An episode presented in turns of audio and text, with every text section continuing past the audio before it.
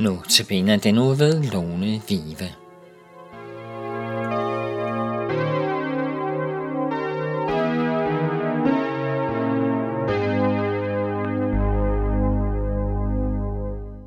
Velkommen til dagens andagt, som i dag er med Lone Vive. Og jeg har valgt at emne i dag, det skal være fristelser. Gud frister ingen, og selv fristes han ikke, står der i Bibelen. Når du bliver fristet, så er det aldrig Gud, der frister dig. Du bliver fristet af noget, du har lyst til. Fristelser kommer ikke imod os udefra. Nej, de begynder indenfra. Vi kender det alle. Fristelsen til at køre for stærkt, når vi er for sent på den. For arbejdet udført sort, som håndværkeren tilbyder. Giv en irriterende kollega igen ved at bagtale vedkommende, eller du kan selv fortsætte. Det kan være så meget jo. Lad os vælge en bestemt fristelse og se på, hvordan det fungerer med fristelser. Lad os for eksempel se på misundelse, og dermed fristelsen til at jorde den, der er så dygtig og populær hos alle.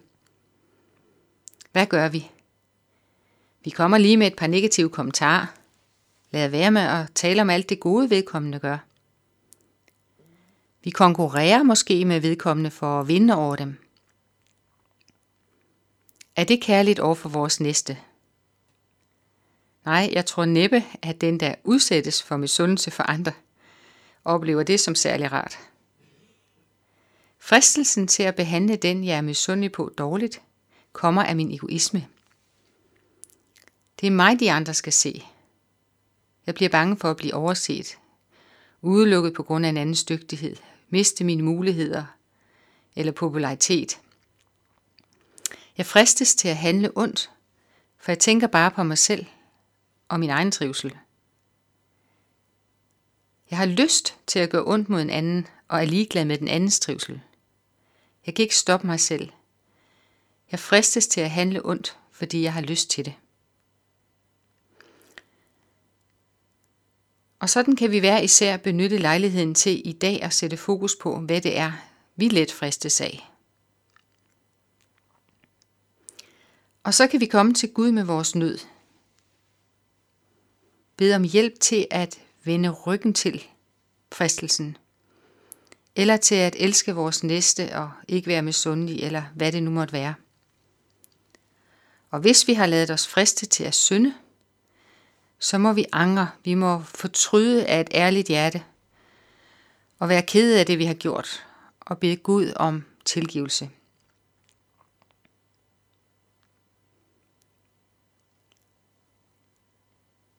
Vi mennesker, vi friskes, det er der ingen tvivl om.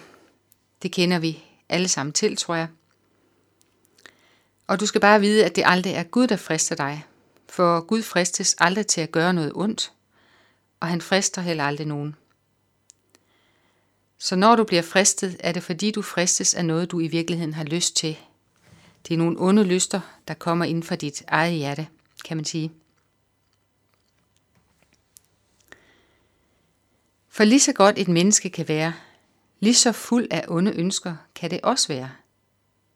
Det ligger i vores natur.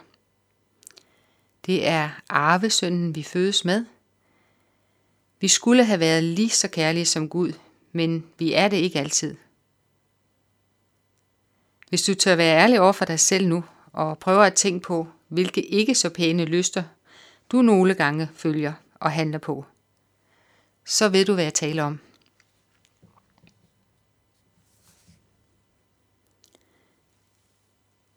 Gud ved, hvordan vi mennesker er, og han ser hver gang du og jeg falder for en fristelse. Han elsker os heldigvis alligevel. Men hvis vi bevidst bliver ved med at handle på samme fristelse og begå en synd, uden at fortryde på en ægte og oprigtig måde, og bede Gud om tilgivelse, så bliver Gud ikke ved med at se til os i noget. Det er menneskeligt at falde for fristelsen og handle på en dårlig måde. Det er der tilgivelse for. Men det vil være at blæse på Gud og regne sig selv som Gud, hvis vi bare gør, som vi fristes til. Og det går heller ikke, fordi at fra vores hjerte udgår der onde tanker. så vil verden nemlig blive det stik modsatte af, hvad Gud ønsker og står for. Verden er allerede fuld af ondskab, fordi mennesker falder for fristelsen til at gøre det, som er godt for dem, selvom det er skidt for andre. Men hvis ingen fulgte Guds anvisninger om at elske sin næste som sig selv, ikke at stjæle for andre, bagtale andre eller slå andre ihjel, så tror jeg, at vores liv vil blive meget hårdt og trist og svært at gennemleve. Det er netop, når vi formår at respektere andres behov og sætte dem højere end os selv, at livet bliver værd at leve for os alle. Når vi fristes, så skal vi gå væk fra det, der frister. Vi skal vende ryggen til det. Vi skal bevidst vælge at tænke på noget andet. Og vi skal gøre som Jesus, da han blev fristet af djævelen i ørkenen. Vi skal citere for os selv og andre, hvad Guds ord siger om sagen. Og du husker måske beretningen om fristelsen i ørkenen, hvor Jesus har fastet i 40 dage, og han er sulten. Og så siger djævlen til ham, djævlen frister ham og siger, hvis du er Guds søn, så gør stenene der til brød. Og Jesus svarer ham, der står skrevet, at mennesker skal ikke leve af brød alene, men af hvert ord, der, øh, af hvert ord, der udgår fra Guds mund. Og så siger djævlen anden gang, han frister Jesus, at hvis du er Guds søn, så kast dig ud fra klippen her højt oppe. For der står skrevet, at dine engle skal bære dig, så ikke at din fod skal støde sig på noget. Og også det afviser Jesus med Guds ord. Han siger, du, der står også skrevet, du må ikke friste Herren din Gud. Og så tager djævlen ham igen med op på et højt bjerg, og så siger han til Jesus, at øh, her, se her, der er alle verden og alle dets herligheder. Alt det, det skal blive dit, hvis du vil kaste ned og tilbede mig. Men der siger Jesus til ham, vi bort fra mig, Satan, for der står skrevet, du skal tilbede Herren din Gud og tjene ham alene. Og da forlader djævlen ham, og se, engle kommer til ham og tjener ham. Det skal være også et eksempel til efterfølgelse. Fristelser, de kan være sådan en stærk magt. Det er så svært at modstå en fristelse. Men øh, vi skal vende os til vores tanker og ja, vores tanker til Guds ord. Hvad, hvad, hvad kan vi huske, hvad der står, eller skal vi slå det op? Hvad, hvad siger Bibelen om det her? Vi er nødt til at søge Gud og vende ryggen til fristelsen. Gå væk fra den simpelthen rent fysisk også. Ja, og så skal vi slutte af med en sang, der også handler om fristelsen i ørken. Det er Lisa Dandanel, der synger den, og den er skrevet i Johannes Møllehave. Og med den vil jeg sige tak for nu.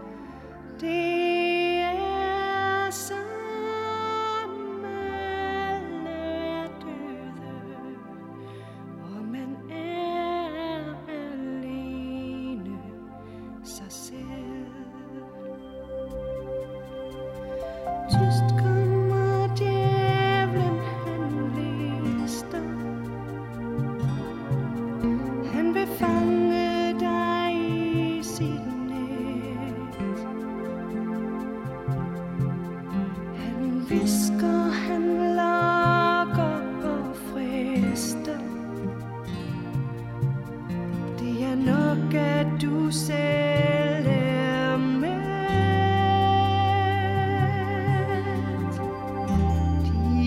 Liv er en vandring